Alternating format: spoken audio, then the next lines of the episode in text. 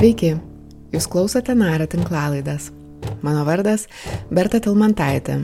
Šiandien susitinku su neįgaliųjų sporto lengva atlečiu, paralimpinių žaidynių čempionu ir Lietuvos paralimpinio komiteto prezidentu Mindaugu Biliumi. Tai nėra pirmas mūsų susitikimas, susipažinome dar 2016 metais, kai kartu su komanda Karoliu Pilypų Liutkevičiumi, Mindaugu Drigotu ir Sofija Korf du mėnesius praleidome važinėdami po visą Lietuvą ir dokumentuodami paralimpiečių pasiruošimą tais metais vykusiam žaidynėms. Dokumentinį multimedijų pasakojimą galiu nugalėti, kurį sudaro penkios vaizdo istorijos, tekstai bei fotografijos, galite rasti mūsų internetinėje erdvėje nara.lt.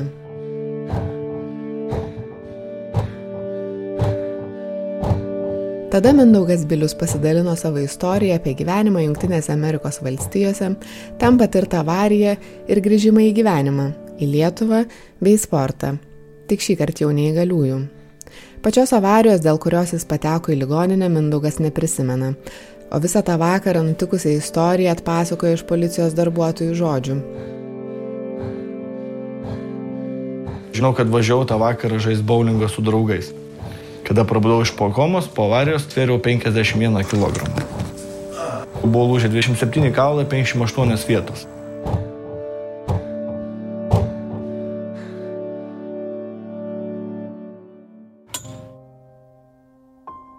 Buvo man uh, mažai duota, kad išgyvensiu ten 10 procentų. Tai. Aš žinau, kad aš atsigausiu, kad aš būsiu, kad aš gyvensiu taip pat, kaip gyvenau. Dabar mano tikslas yra, noriu būti ten pirmas pasaulyje, noriu būti pirmas Europoje. Stipriausiam iš neįgaliųjų. Ir to kol kas ir siekiu.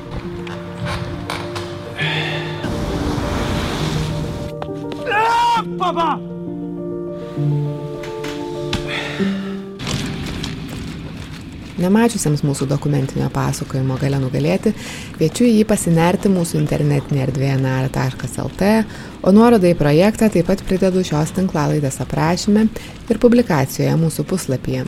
O dabar kelkime į pokalbį su Paralimpinio komiteto prezidentu Mindaugu Biliumi. Sveiki, Mindaugai. Labdiena. Smagu vėl matyti e, po nežinau, kada, neatsimenu, kada paskutinį kartą matėmės, atsimenu, kad skambinamės prieš kelius metus, bet šiaip stebiu vis matau, ką veikiat ir kaip veikiat, tai kaip ir, kaip ir nesenai matytas.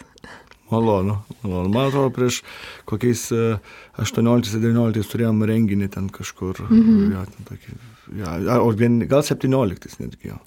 Tai kaip jūs gyvenat, kaip jaučiatės? Iš principo tai E, visai neblogai darbų, darbų, darbų būna tai daugiau, tai mažiau. Šiam momentui a, paralimpiniam komitete yra daug darbo, a, namuose taip pat yra žmona, yra dabar dviejų metų sunus. Tai to darbo, va, tos du metus kartais pagalvoju, kaip aš suspėju, bet nes vaiką auginam, tai žmona ir aš dviese tai išeina kažkaip tai žmona irgi iš, iš karto pradėjo dirbti po gimdymo, tai teko viens kitą pavaduoti, tai mat, kad ir šiandien reikės lėkti greitai, nes e, žmona turi išeiti į darbą, daryti interviu ir, ir, ir tada aš pabūnu valandą, dvi, jį grįžta, važiuoju, aš vėl važiuoju čia į darbus pasai paralimpinį, o kaip minėjau prieš tai, kad darbų paralimpiniam dabar nemažai, nes prasidėjo vat, rudens Seime, rudens sesija, svarstomi įvairūs sporto, e, ne įvairūs, bet vienas iš, e, kas liečia sporto įstatymai, ten yra azartinių lošimų loterijų statymas ir, ir, ir, ir tai liečia mūsų apskritai visą sporto bendruomenę ir, ir neįgaliųjų sporto bendruomenę taip pat. Mhm. Grįšim prie įstatymų, dar truputį vėliau pakalbėti, bet dabar pradžiai noriu nusikelti prieš tas penkerius metus, kai pirmą kartą susitikom Ažuolynę Berots, kur treniravote su savo treneriu. Um, ir norėčiau, kad prisimintumėt ir šiek tiek papasakotumėt apie tas e, paralimpinės ir kaip jums ten viskas sekėsi, kaip, kaip jautėtės ir, ir, ir ką pavyko pasiekti? Na, tai buvo, man atrodo, 2016. Taip, tai jau, jau, jau, taip. jau, taip, prieš penkerius metus. Tai e, kai mes visi bendram su jūsų komanda, kai daug filmavot, e, tai čia buvo prieš, prieš paralimpinės ir um, aišku, kad važiavau kovoti dėl aukščiausių vietų, bet tikrai dar nežinojau, kad jos baigsis taip, kaip pasibaigė. Uh, Na, o jos pasibaigė e, Rio paralimpinėse disko metime iškovau sidabro medalį, o rutulio stumime tapau čempionas. E, aukso medalį, kuris iš tikrųjų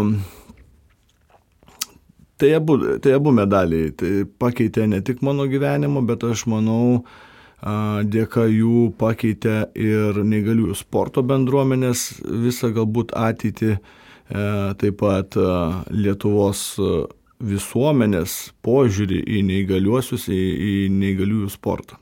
Tai, tai iš tikrųjų man be galo džiugu ir aš kaip sakau, kad būt, e, gali būti, kad tai dėka jūsų visos komandos, Nanuk tada, mm -hmm. taip, mhm. ne, Nanuk, tai, nes kada jūs darėt visus tos filmavimus, video, taip pat interviu, kada jame kalbėjome mes, tai Galbūt čia ir buvo kažkokia tai sėkmės formulė, nes a, tikrai galiu pasakyti, kad laimėti ten kažkokį, iškovoti ten ar aukso medalį, ar, ar sidabro medalį, tai nėra, tai nėra tik šimtas procentų darbo, tai iš tikrųjų tai dar turi būti kažkiek tai ir sėkmės, nes tikrai priklauso, kaip to, kada varžybos, kaip tu atsikeli, kaip, kiek tu viską kaip būni apskaičiavęs, tai, tai tu gali būti įdėjęs daug darbo, bet yra tam tikri momentai, kur, kur tu negali šimta procentų pasakyti, aš važiuoju ir laimėsiu, nes tu niekada nežinai, gali iš autobuso lipdamas koją pasisukti. Tai iš principo tas jūsų darbas, kuris buvo prieš paralimpinės žaidynės, vis, visas tas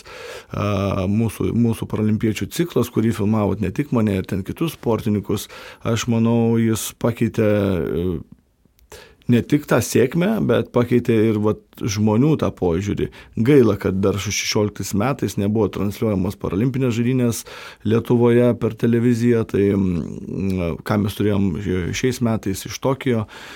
Tai manau, kad e, vis dėlto prie, prie, prie e, neįgaliųjų sporto apskritai judėjimo, tai didelė dalimi yra ir jūsų visa komanda prisidėjusi, nes uh, ne tik aš, e, tai yra, kaip aš ir minėjau, dėka, dėka manau, to tokio jau, jau tuo metu mes, neįgalių sportasgi nebuvo taip labai kažkam įdomus ir žinomas. Ir kai kažkas padaro ciklą apie paralimpiečius, video ir, ir, ir, ir, ir, ir, ir visi tie interviu, ir, ir, ir tai yra, ir man tai buvo kaip žmogui tuo metu, tu jau tada kažkaip pasijūti lygą um, reikšmingas, lyg, lyg kažką tu teisingai darai. Tai, nes aš nemanau, kad sportas yra sportas yra tik tai sportas, nes jeigu jų metu išeini į, į, į profesionalus arba į tą aukšto meistriškumo lygį, tai iš tikrųjų tu ne tik galvoji apie apie sportą, bet tu ir galvoji, ką tu, tu pradedi kaip žmogus, tu pradedi galvoti, ką tu duodi apskritai Lietuvai, ką tu duodi Lietuvos žmonėm, ką tu duodi aplinkiniam, kurie supa tave. Ir, ir, ir va tas jūsų mm, visas projektas, nu, jisai daug davė ne tik man, ir ten Edgaras Matakas, tarp kitko, kuris va, ir ta, tuo metu jam Rio nepavyko, jis ten beros buvo iškovojo aštuntą vietą, bet va tokio paralimpinės žaidynėse iškovojo bronzos medalį, tai mes tikrai už jį džiaugiamės. Ir jis tiek buvo sustiprėjęs, kad aš, nu, mes buvo mintis, kad gal turėtų būti ir auksas ar sidabras, bet kaip ir minėjau, tai, tai nėra tik tais juodas darbas, tai yra, tai yra kažkokios tai galbūt e, e, dalis yra ir sėkmės. E, dabar, dabar bekalbant, pamačiau, kad O gal jūsų trūko iki prieš Tokijo dar? nu, buvo tokia mintis, kad prieš Tokiją pradėti, bet tada prasidėjo pandemija, viskas nusikėlė ir tada toks nu, sudėtinga tapo, kaip čia kas toliau bus, bet mes tai visą laiką visi stebim ir, ir čempionatus, ir kažkaip matom, kas vyksta ir, ir tuo džiaugiamės. Aš dar e, prisimindama, ruoždamas į susitikimą, skaičiau, vėl peržiūrėjau projektą ir e, noriu pacituoti jūsų, e, jūsų trenerį pirmiausia, paskui dar ir jūs irgi pacituosiu. E, tai Rimantas Plunger, nebuvo jūsų treneris, jisai sakė, Kiekvienam sunku. Ir jam. Jis pats savo toks varžovas, kurio neįmanoma įveikti, su kuriuo galima tik garbingai kovoti. Taip yra kiekviename individualiame sporte, nes čia svarbiausia - nugalėti save. Todėl Rio de Žaneirė aš linkiu Mindaugui Biliui įveikti Mindaugą Bilių. Ir nieko nepalikti nepadaryta. Tai atrodo, kad pavyko jums tą Mindaugą įveikti. Jo, pavyko, net iš tikrųjų, besiklausant susigraudinau, nes uh, kažkaip uh, tai buvo mano visas nu, gyvenimo etapas, kurį, uh, kurį, manau, visą laiką aš atsiminsiu. Ir, ir, ir, ir treneri. jo. Tikrai, va, tas kažkokios emocijos užvaldo, nes tai buvo tikriausiai, kaip ir sakau, geriausias mano gyvenimo etapas iš, iš, iš, iš mano dabar, va, jau kitais metais man pačiam bus 40 ir ir kada mes dirbom su treneriu, aš kaip ir minėjau, daug kur ir dabar galiu sakyti, tai e, vat, būtent Rimantas plungė, tai jis man tapo kaip antras, kaip, nu, kaip antrų tėvų, nes mes e, tikrai daug tuos aštuonis metus kartu praleidom laiko stovyklose, treniruotėse, ilgą laiko būdavo ir po dvi treniruotės per dieną, tai iš tikrųjų jis, ir, jis tas žmogus, kuris iš kurio aš daug perėmiau ne tik e, kaip sportininkas, bet kaip ir žmogiškosios pusės, e, nes jis toks labai yra giliai mąstantis, e, galbūt labiau toks akademinio, to, ta prasme jisai toksai ir filosofinis, ir, ir visoks, ir iš tikrųjų atėjo žodžiai pasakyti, tai man ir padėjo, laim, kaip, kaip aš sakau, viena iš dalių buvo ta, kad laimėjau aukso medalį, tiek ir sidabro medalį, jeigu atkreiptumėm dėmesį, tai mano tiek ir rutulio sumime, tiek disko metime mes gaunam po šešis bandymus, tai penkti buvo geriausi. E, tai yra prieš paskutinį stumimą arba prieš paskutinis metimas. Nes ilgus metus mes kalbėjom, kad ir daug dirbom tai, kad paskutinis stumimas, paskutinis metimas turi būti geriausias. Ir tiskė aš irgi po, po ketvirto metimo buvau ketvirtas tik tais. Tai po penkto, kai įsivežiu į antrą vietą, ir gan tokį e, gerą rezultatą padariau 53 metrus 50 nusimečiau, tai kur aš nebuvau metęs e, nei vienose varžybose tokio rezultato. Tai ta visa jo pertikta mintis, kad aš turiu įveikti, ne, aš nežiūrėjau, kas kaip mėto, man buvo svarbu mane patį įveikti, tai yra nugalėti, padaryti geriausią rezultatą tuose varžybose.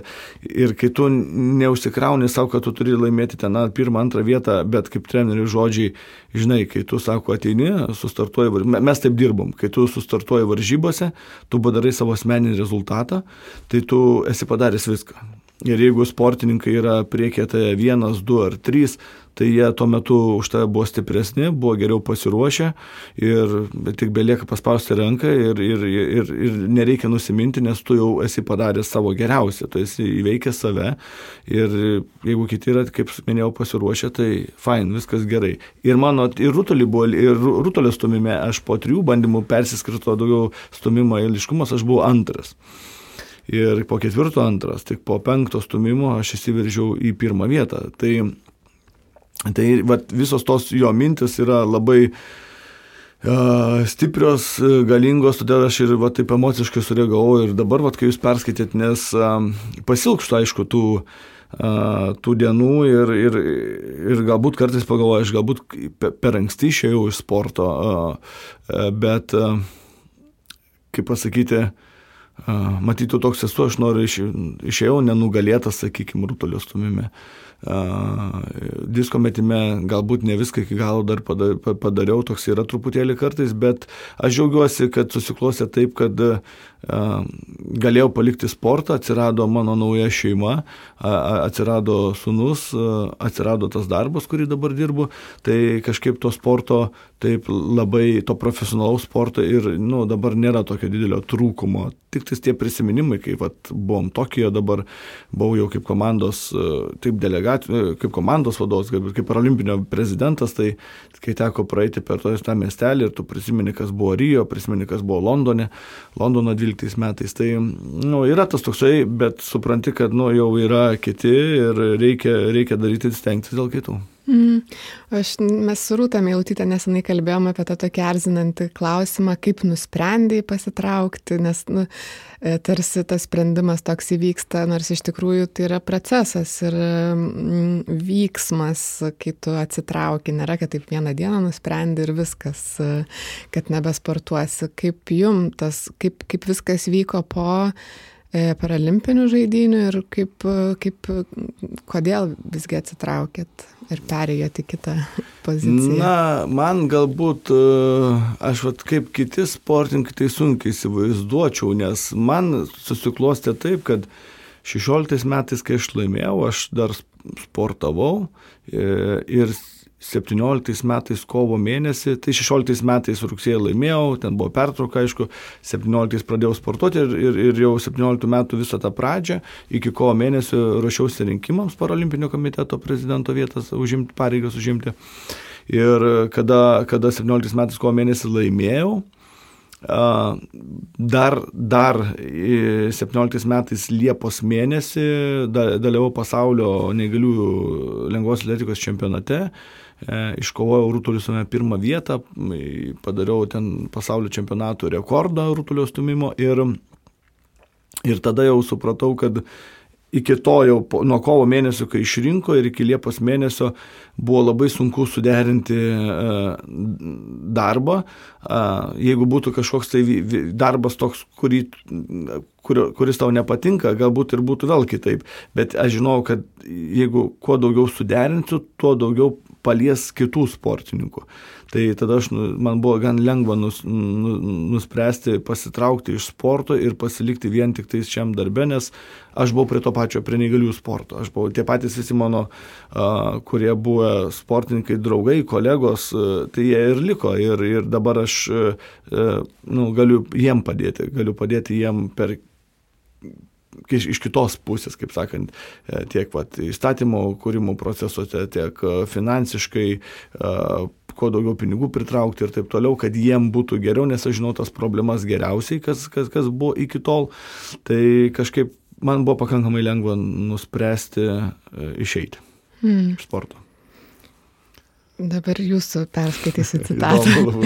aš, aš irgi šiaip graudinuosi, nes labai atsimenu tą visą procesą ir bendravimą su visais ir kaip iš pradžių buvo keisti ir ta tarsi nepasitikėjimo iš visų, buvo ką mes čia darom, ko mes čia norim. Na, taip. o paskui atsirado toks kontaktas ir tos visos istorijos, atsiverimai labai daug mum irgi davė. Tai buvo mūsų kaip komandos pradžia ir nuo to laiko mes kartu su visais praktiškai ir nu, kad tai mums turbūt tas svarbiausias yra projektas, nes nuo jo prasidėjo viskas, kas toliau. Tai, tai aš irgi graudinuosi. e, bet perskaitysiu, nes labai atrodo sutampa su tuo, ką dabar sako. Tai va jūsų citata. Aš galvoju, kad ta avarija turėjo būti, kad aš atsirasčiau čia, kur esu dabar, kad sugrįžčiau į Lietuvą, ateičiau į neįgaliųjų sportą ir baigčiau mokslus. Man dabar įdomu gyventi, įdomu važinėti, įdomu sportuoti ir įdomu padėti kitiems. Ir aš galvoju, tai yra mano gyvenimo tikslas. Jo, aš ir, ir, ir, ir, dabar lygiai taip pat mastau ir aš tą, tą patį ir darau. Ir vadinasi, kad uh, tada, kai aš jums kalbėjau, taip, taip aš dabar su, suprašiau, kad pas mane uh, tikriausiai jau iš nuo senų laikų taip yra, kad netgi vis, taip yra, kad, kad, kad norisi, norisi tos teisybės, norisi to, tos padėti kitiem, dėl to, kad, nu, iš tikrųjų, sakykime, tais tarybiniais laikais, kai buvo, tai kad neįgalių nebuvo iš viso. Aš pats buvau sveikas uh, iki avarijos ir prisipažinsiu, aš jų nemačiau. Aš net kartais pagalvoju, aš, kad grįžau iš Šiaulius 2010 metais iš, iš Amerikos, jau po avarijos. Aš pagalvoju, ar aš buvau matęs neįgalų į nu, vežimėlį Šiauliuose kažkaip tai nes kažkaip arba tu netkreipdavai dėmesio, arba jų kažkaip nebūdavo, o, o puikiai žinau visą istoriją, kad būdavo tam tikri rajonai, ten Aklųjų rajonas, ten su vienokie ir kitai negalė žmonės gyvena ir, ir nu, tai kaip geto. Ir, ir tai, tai buvo tokie laikai. E, ir, ir, ir kai aš pagyvenau, sakau, devynis ten metus Amerikoje, kai tu pamatai tą, kaip yra žmonės laisvi, kaip gali mintis išreikšti, kaip gali apskritai daryti tai, nevaržomas ir kai tu gerbi policiją, kai tu gerbi uh, ten medicinos darbuotojus, kai yra pagarba iš žmogaus, kai nereikia sakyti, tu turi gerbti, bet tu gerbi, nes tai tada, nu, pamatai, kad kažkas čia, kažkas čia Lietuvoje dar netaip yra. Ir kada aš grįžau ir vat, būtent dėl neįgaliųjų, kada, sakau, man teko pirmą kartą papoliu į rinktinę ir sako, tu važiuosi dabar čia į Čekiją, Bruno, Bruno ar koks ten miestas Čekijoje.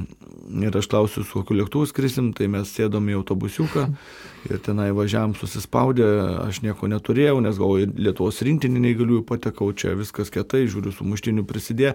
Ir aš kai sutikau tos žmonės, kurie turi neglę, jau, jau, jau tuo metu, jau kai aš įsiliejau į sportą, jie po truputėlį išeidinėjo iš sporto, ten tokia Rena Permininė, e, Algirdas Tatulis, e, dar kai kurie dar sportuoja, bet jau dabar, pažiūrėjau, Ramūnė Donmaitinė irgi jau, jau, jau išeidinėjo į sporto. Tai Tai suprantat, vat, kai su jais pravažiavau ir pamačiau, kad jie neturi jokio, jokio kažkokio nustebėjimo, jie dalinasi su muštiniais, duoda ten virtus kiaušinius ir, ir, ir, ir man buvo džiugu, bet aš jau tada pagalvojau, kad a, tai buvo 2011 metai ir aš pagalvojau, kad a, taip neturi būti. Nu, kad, nu, kad čia nes, nu, nėra sąžininga, kad žmonės su vežimėliu be kojos sėda autobusiuką ir važiuoja 18 val. iki varžybų, tada vos ne vos įsimėgi ir jau kitą dieną turi startuoti. Ir aš jau, nes aš prieš tai sportau tą pačią sporto šaką, tiek rūtulis stumdžiau, tiek diską mėčiau, būdamas sveikas. Ir aš supratau, kad e, aš žinojau tą visą sistemą, kad nu, iš tikrųjų iki starto ten turi turėti bent minimum jau ten 24 valandas būti palisėjęs, pramankštą pasidaręs, bet čia atvažiavus naktį iš karto varyti, paskui kitą rytą startuoti, tai, e, tai supratau, kad, nu, kad ne, tai, taip neturi būti ir gal kažkaip pas, pakeisiu ir, ir, ir keičiu tą. Hmm. Tai tas noras prezidentu tapti paralimpinio komiteto nebuvo spontaniškas, jis toks tarsi nuo pat pradžių. Ne, aš galvojau, būtent paralimpinio prezidentas, tai aš net tai man nebuvo kaip prezidentas, kad tai man reikia gauti šitą darbo vietą, bet aš bet nuo 11 metų galvojau, kurioje vietoje būdamas aš galėčiau padaryti taip, kad neįgaliųjų sportui būtų geriau. Man buvo tai prasidėjo 12 metais įkūriau neįgaliųjų sporto klubą Šiaulėtis. Nes norėjau, man, norėjau, norėjau parodyti, kaip žmonėms su negale, kad jie gali įsijungti į sportą ir gali džiaugtis gyvenimu, gali, gali netgi tai ir finansiškai jiem būti naudinga, nes aš 11 metais, kai pasaulio žaidynėse tapo, iškovojau du aukso medalius, man tuo metu neatsimenu, bet pervedė gan nemažas premijas, pradėjau gauti stipendijas valstybinės ir supratau, kad, kad, nu, kad nu, norisi kitiem parodyti. Mm. Ir, ir, ir vienas ten iš klubo narių, kai mums pavyko išvažiuoti į Italiją, toks Mindugas Bernotas, e, jis e, dabar nesportuoja, dabar tarp kitų vadovauja kitam negalių sporto klubui, bet tuo metu sportavo ir jis kaip priejo kažkada Vilnius oro uoste, mes skridom Italiją ir jis e, Tuo metu mane irgi, aš labai susigaudinau, bet aš dar buvau sportininkas, ne, ten, ta, ta, aš irgi skritau į varžybas, bet jis sako, ačiū to Mindaugai, kad pat parodė, jis sako, aš pirmą kartą lėktuvų skrisiu. Ir jam buvo, nežinau, 30 mm. keli metai. Ir man tas, uh, uh, va, to, tokie man patys geriausi yra, nežinau, tai, tai jautiesi, kad kažką padarai. Uh, toliau tai irgi tą, tą, tą klubą perėmė iki, na, nu, aišku, čia nesenai perėmė, tai 17, kai aš jau išrinko mane prezidentu, aš jau niekur ne, nebespėjau, tai uh, iš tikrųjų klubas dabar yra ten tokio trenerio, Deimanto Jūsio, kuris buvo mano treneris uh, kurį laiką, tai Jisai dabar ten va, dirbo su sportininkais ir e, tai bet va, tas kelias į prezidentus ir buvo, jisai daug pamastymų, nes aš žinojau, kad e, tuo metu buvo e, Vytautas Kvetkauskas, e, Paralimpinio komiteto prezidentas. Ir šviesiai tiesiai galiu sakyti, ten buvo tokia pelkė, aš galvoju, kad neįmanoma, nu, ten praktiškai nebuvo įmanoma e, pakeisti, ar, ar, ar dar kažką, tai užtat aš ieškau kitų, kitų alternatyvų, kur, ar galbūt federacija, bet tuo metu federacija irgi vadavo, vadovavo uh, toks Anatolijus Čiupkovas, kuris ir dabar dar vadovauja, bet va, prieš kelias dienas jį perinko ir jisai jau nuo neįgalių sporto irgi rugsėjo 15 jį perinko ir iš neįgalių sporto, kaip ir sakykim, irgi pasitraukė. Uh, tai va ten ta visa tokia uh, pekla, kuri buvo, aš tikrai negalvoju, kad kažkas tai pavyks. Uh, kažkaip tai papulti ir bandyti keisti tais, tais būdais, kuriais yra tvarkomas neįgalių sportas, gal reikia rasti alternatyvą kažkokią. Bet um, vat, būtent tie aukso medaliai, tiek golbolo rinktinės, kuri tuo metu irgi 16 metais parvežė, tiek mano pačio, tiek visuomenės, e, tas toksai ir žiniasklaidos dėmesys, e, kas kur, kodėl, kodėl čia ten Mindaugus Bilius batų negalėjo, nusi, nu, nieks nupirkti ir taip toliau, rutulio stumimo bato. Tai tas truputėlį išjudino visą tą vat, e, nusistovėjusi tokią, nežinau, tarybinių laikų peklą, kuri, kuri, kuri buvo ten, nežinau, kiek Vetkauskas 21 metus buvo. Tai, tai supranta, tai kada išjudino visą šitą reikalą, kada, kada tapau vadovu, tada atsirado ir visai, visai kitas paralimpinio judėjimo judėjimas. Atsirado, nes aš žinau, ko trūksta, aš žinau, kas yra, nes aš manau, kad tikrai žmonės, kurie yra perėję e, kažkokius sunkumus, tai va tą pačią ne kaip aš, ne, tai ir, ir, ir ne tik negalė, ne tik, ne tik po traumų, bet tą sportininko visą kelią, pradedant nuo klubo, baigiant iki paralimpinio čempiono, tai tu viską matai ir viską, nu, tu, tu esi praėjęs per tos aštuonis metus, uh, nu, praktiškai viską ir iš vidaus tu matai ir, ir, ir aš žinau, ko trūksta, žinau, uh, kaip reikėtų padaryti, gal turim stiprią komandą dabar paralimpinio komiteto, tai nes tu gali suburti stiprią komandą, nes tu žinai, kokių žmonių reikia. Tai va tas, tas va, kelias į prezidentus ir buvo toks, kad po, po truputėlį, bet jis, nu, taip gali sakyti, planuotas, bet aš neplanavau. Mm. Bet Ta, tuo metu dar, va, irgi prieš penkerius metus, kai kalbėjom, sakėt, kad jums laimėti ir gerus rezultatus Lietuvoje pasiekti kaip ir nebuvo sunku, nes mažai žmonių sportavo ir nedidelė konkurencija, nes tiesiog taip susiklostė viskas, kad, e, kaip ir prieš tai minėjot, tiesiog žmonės neįtraukti buvo nei į gyvenimą apskritai, nei į tuo labiau sportą. Mm, kokia yra situacija dabar, ar jinai kinta, ar pavyksta kažką padaryti su tuo, į, į, prikviesti daugiau e, sportininkų, e, dalyvauti, treniruotis, e, važiuoti?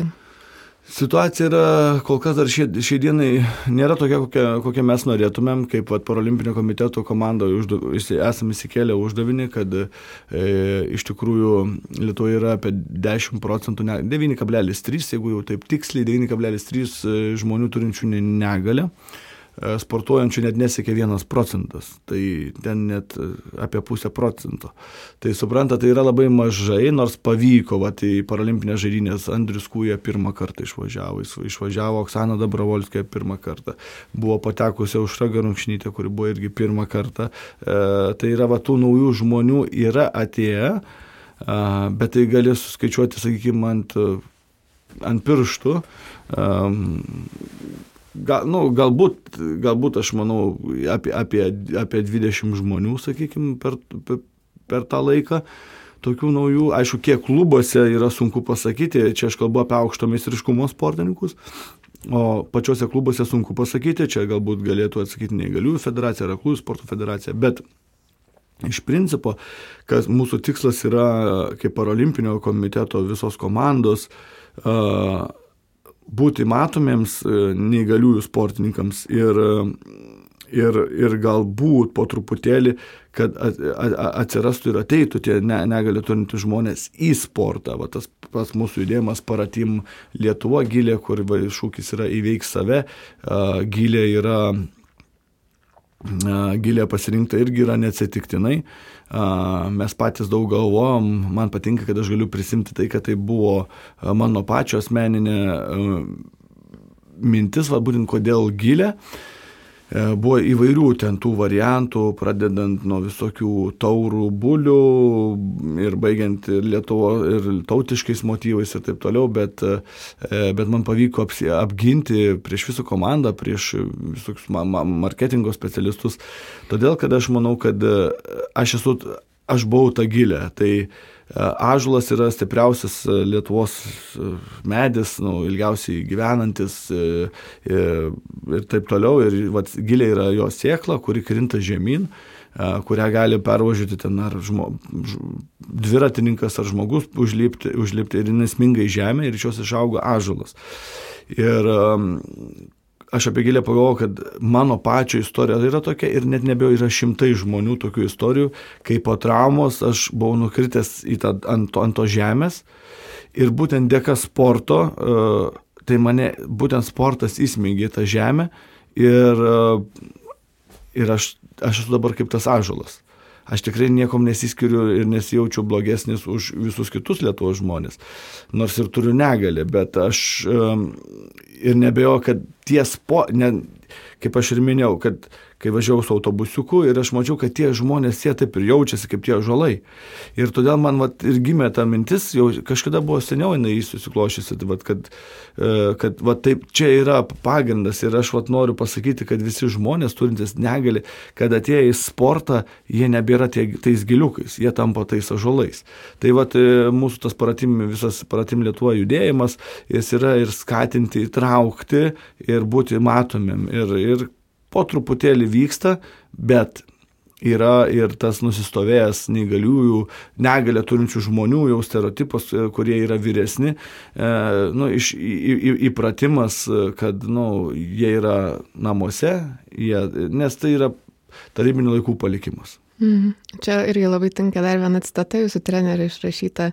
Jisai pasakoja apie tai, kaip, kaip matė, kiek žmonių ateina į paralimpinės žaidynės, kaip palaiko, kaip žiūri. Ir sakė, kad čia jo citata, tas supratimas, kad žmogaus galybė ne raumenis, ne kūnas, o kažkas kita, tapo vienu iš motyvų, kodėl norisi padėti Mindaugui, nes jis jūs treniravo nemokamai, ne, net lygintinai ir, ir, ir dalinosi tuo, kad būtent tas va, supratimas apie žmogaus galybę kažkokią, e, matant, ką žmonės su negale daro paralimpinėse žaidynėse ir kaip kiti žmonės palaiko, jį motivavo irgi e, treniruoti jūs. Tai um, kita, kita, kita problema, kalbant apie tą mažą neįgalių žmonių įsitraukimą į sportą, yra dar e, tos problemos dalis yra ta, kad vis dar labai mažai moterų ir e, prieš Rio paralimpinės žaidynės e, statistika buvo tokia, kad moteris su negale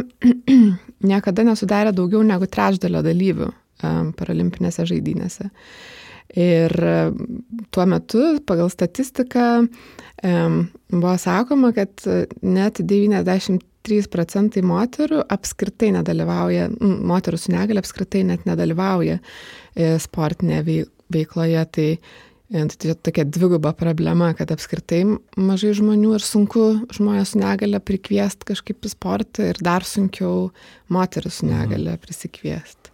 Na, na, čia jau tikriausiai statistika kalba, bet e, pas mus, pavyzdžiui, dabar lengvoje atletikoje buvo, būtų važiavę du vyrai ir dvi moteris. Tai jau yra 50 procentų, nes um, tiek aušra buvo maratoninkė iš kovos, dėja ne, nepavyko, nes gavo traumą prieš pat, prieš pat išvyką, sakykime, tiek Oksana Dabravolskoje.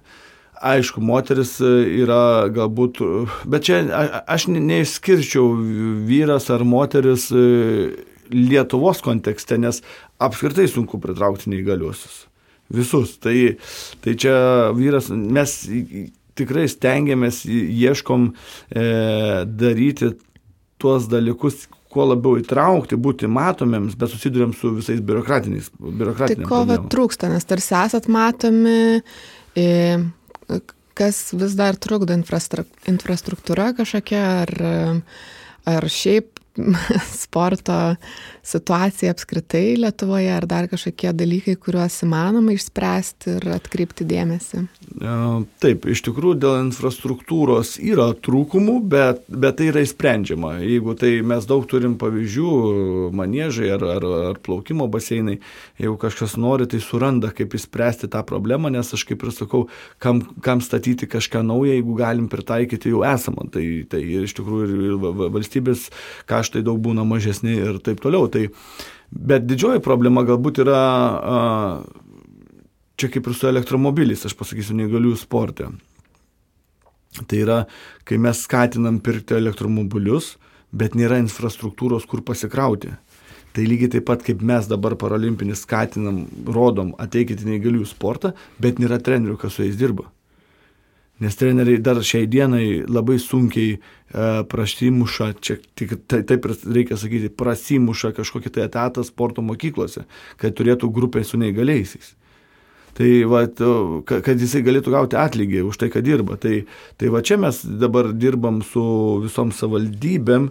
Deja, deja, aš suprantu, kad va, tapus vadovu, praėjus kokiem 3-4 metam, kokiais 18-19, supratau, kad netaip viskas greitai pasiekiama ir ta visa visi procesai, kurie vyksta vyriausybės, paskui Seime, ministerijose, kažkoks tai kosmosas, kuris man dar kartais ir šiai dienai yra nesuprantamas, kaip taip vyksta. Bet kol dėja vyksta taip, bet yra jau pasiekta neblogų susitarimų, yra pasiekta tai, kad yra kūnų kultūros rėmimo fondas, seniau nebūdavo neįgaliesiam nieko, jeigu pro projektą parašo kokia tai kompanija, nu, galbūt gauna, galbūt negauna, bet dažniausiai gauna sveikųjų visi projektai, dabar yra pasiekta dėka praeitos vyriausybės e, įtvirtinta yra kad 10 procentų jau būtent yra neįgalėsiams skirtas sumos 10 procentų.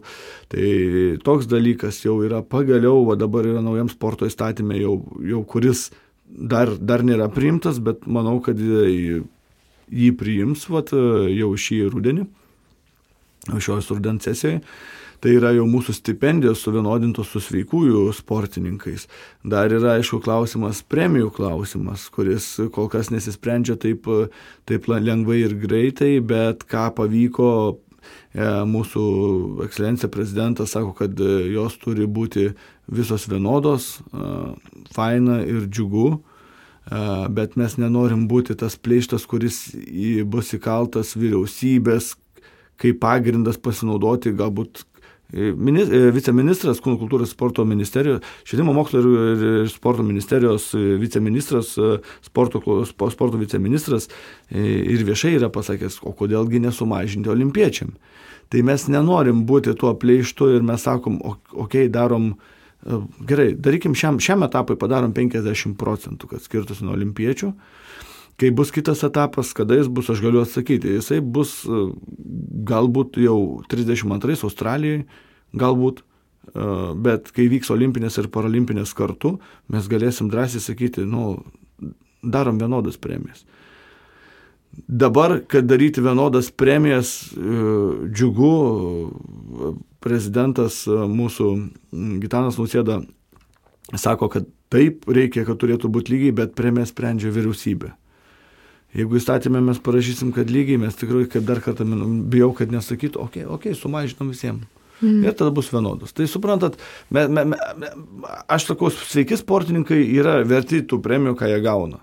Ir mes taip ir sakom, mes ne, nenorim, kad kažkam kažkas mažintų. Mes sakom, viskas ok, mes tą gaunam ir, ir tiksliau, jie tą gauna, gaukit. Bet mes sakom, žingsnis po žingsnio padarom. Tai vad, berot su ministerija pavyko, kad ministerija jau turėtų būti įsiuntusi, vad, mums kalbant, e, turėtų būti jau įsiuntusi pasiūlymą tą 50 procentų.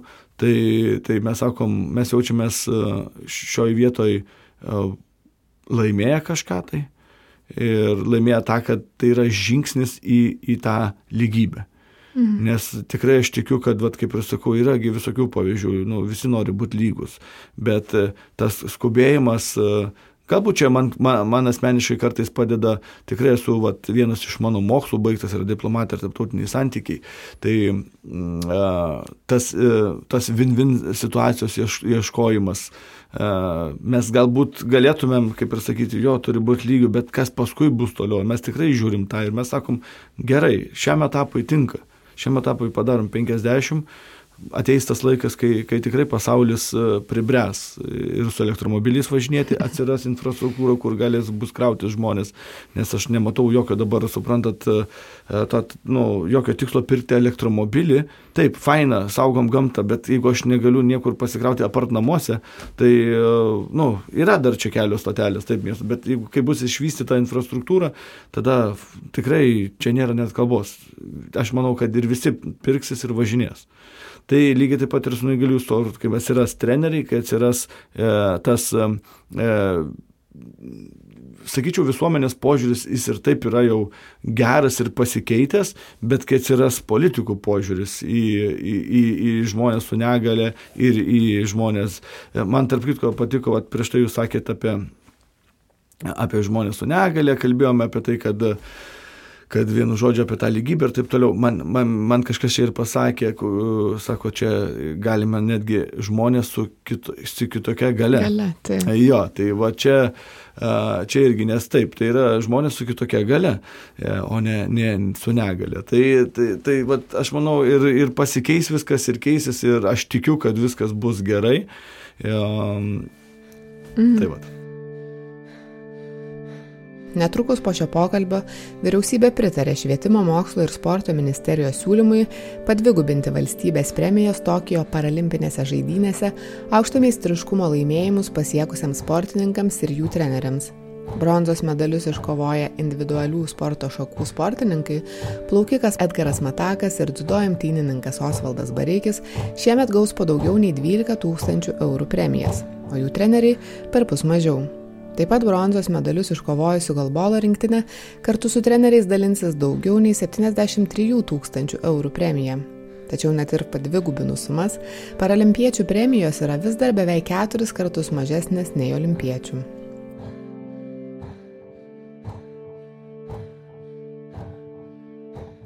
O dar dėl to įstatymo, kadangi čia tokia aktualija ir daug diskusijų kelinti dėl, e, dėl paramos iš loterijos, kaip, kaip dabar viskas bus ir ar ta situacija yra palanki sportui, paralimpiečių sportui ir kaip galbūt padaryti, kad tas finansavimas būtų stabilesnis ir užtikrintesnis. Tai va dabar dėl to įstatymo, kuris čia vyksta, kur, kur, kurių, aš kaip sakau, stumiamas buldozerių vienokių ar kitokių jėgų iš vienos pusės, ar iš loterijų, ar iš ten azartinių, ar iš kažkokių, aš nesuprantu, nesu įsigilinęs, kas dabar yra mum aktualu. Mum aktualu tai, kad yra, kad mes esam nežinioj.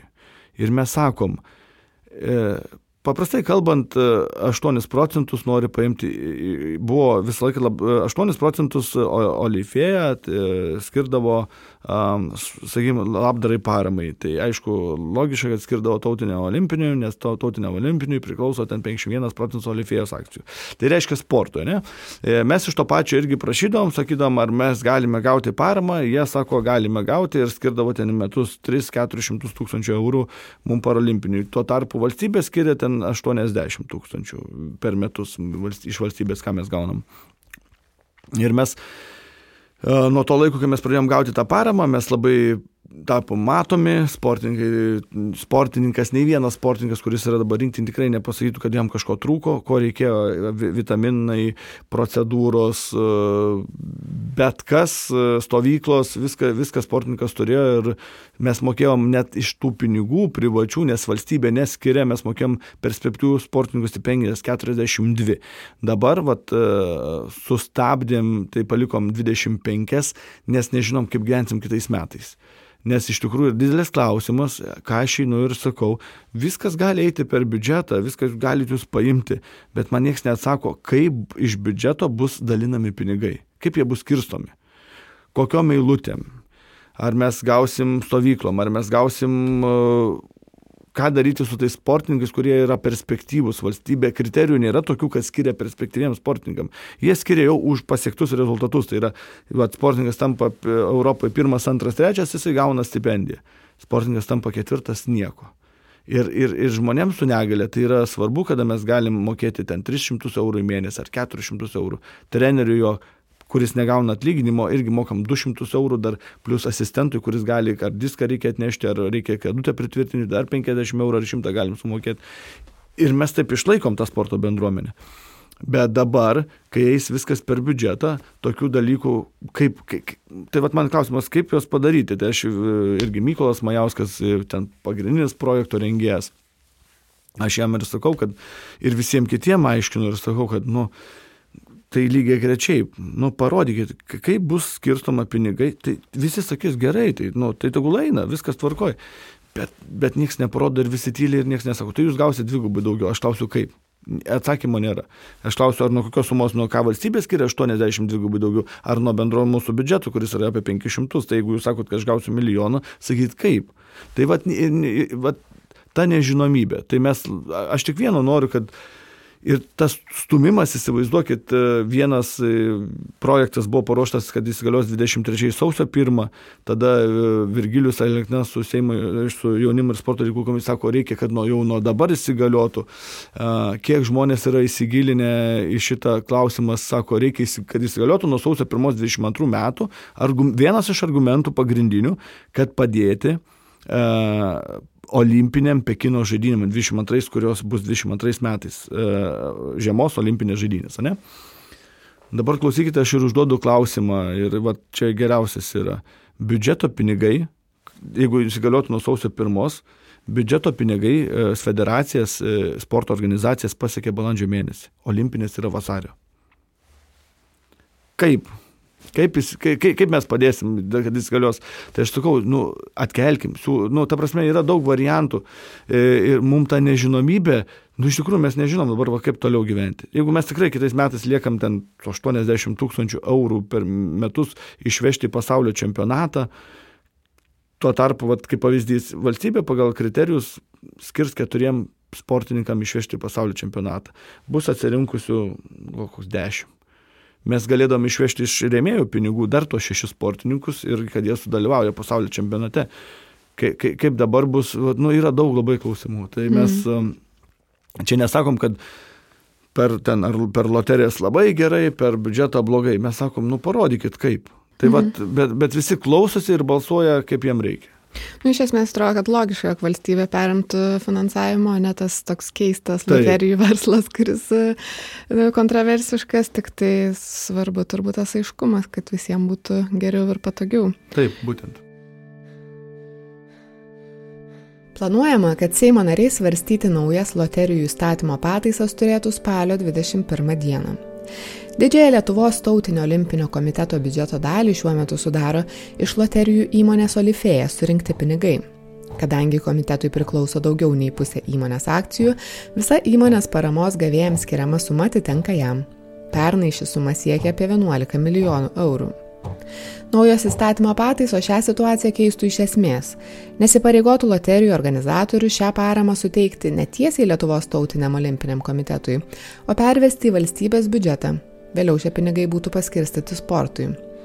Seimo biudžeto ir finansų komiteto pirmininkas Mykolas Majauskas, kuris yra ir vienas iš įstatymo projekto autorių, teigia, kad sportas turi būti valstybės politikos dalis, ne verslo interesų laukas. Pasak jo, tokiu būdu Lietuvos tautinio olimpinio komiteto biudžetas galėtų paaukti 38 procentais.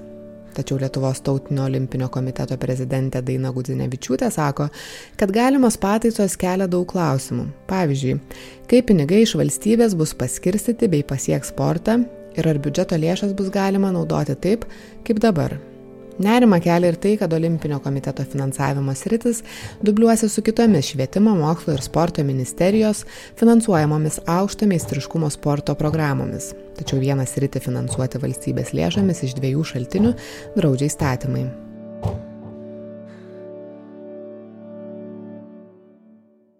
Žiūriu, laikrodis sakė, turėsit pasų nubėgti dar Nu, dar galim. Kelias minutės, tai pabaigai.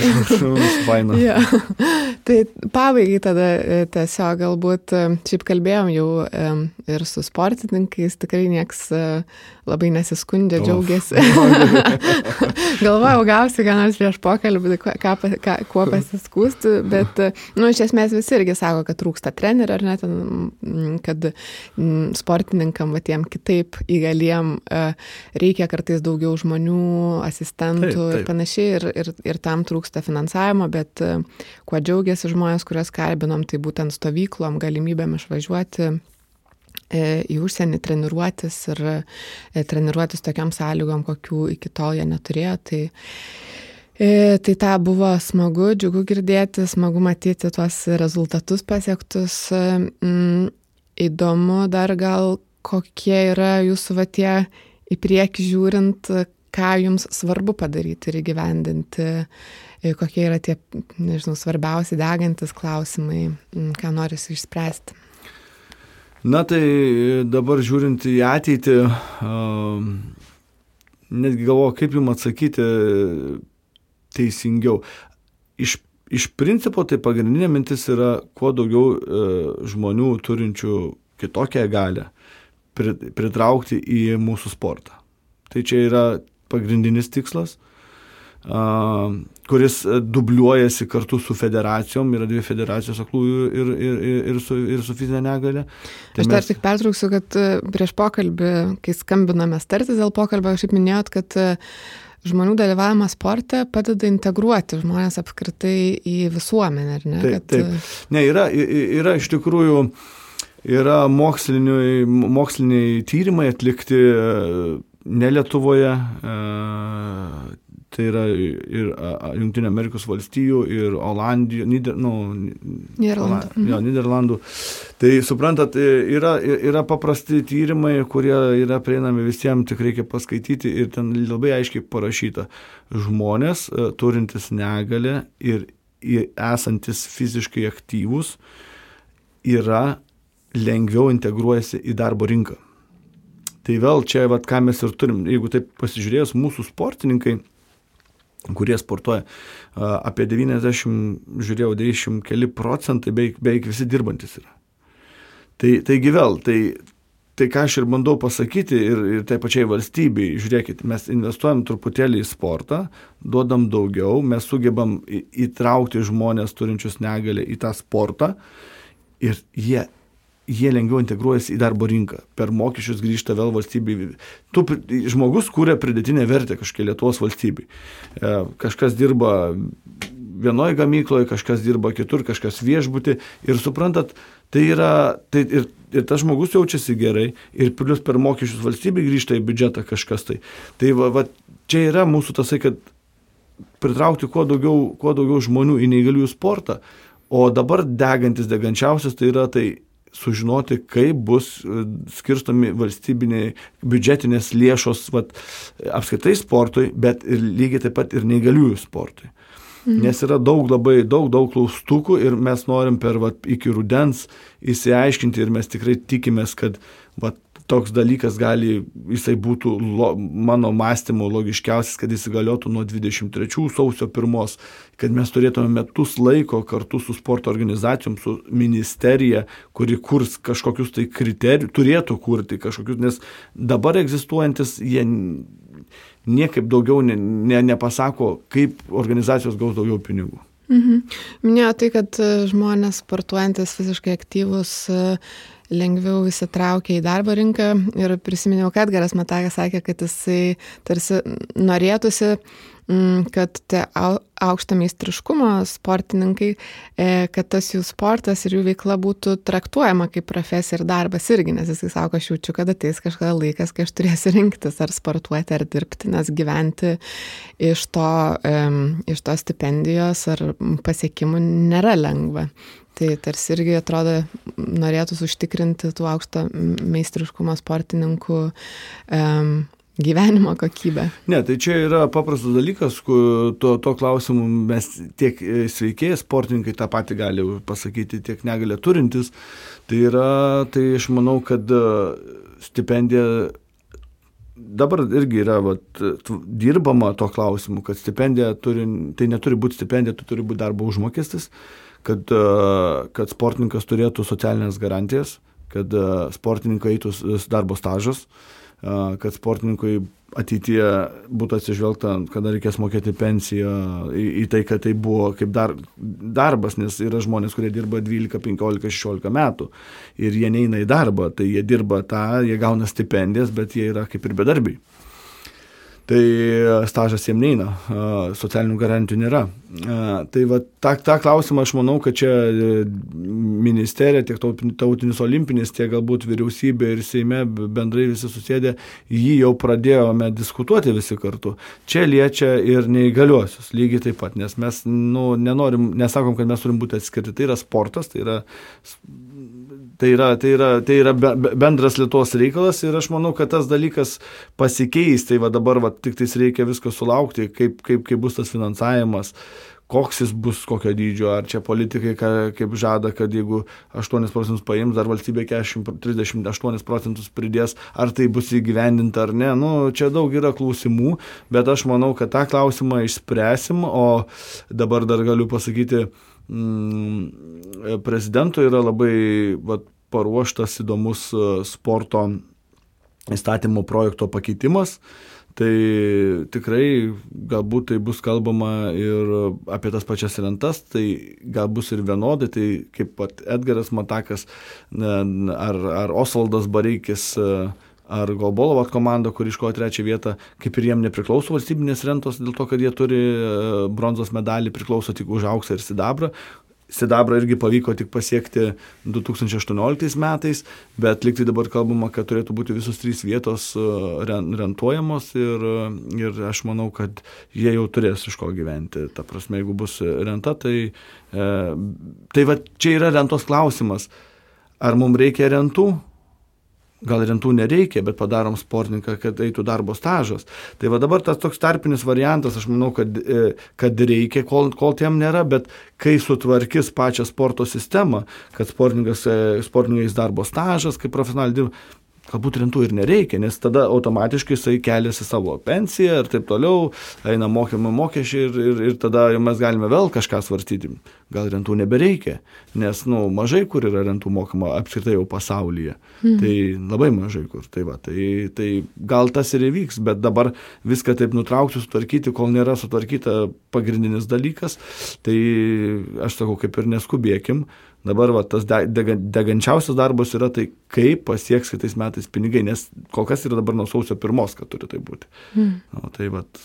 Aišku, gerai, tai stebėsim, žiūrėsim, kaip e, viskas bus, tikėsimės, kad į gerą. Bus į gerą, nes e, galiu pasakyti, kad Paralimpinio komiteto prezidentas visai neblogai dirba ir bus į gerą. nu tai kantrybės jums. Uh ištvermės ir kad, kad gerai viskas. Ačiū Gerai. labai. Ačiū labai, Berta. Ačiū.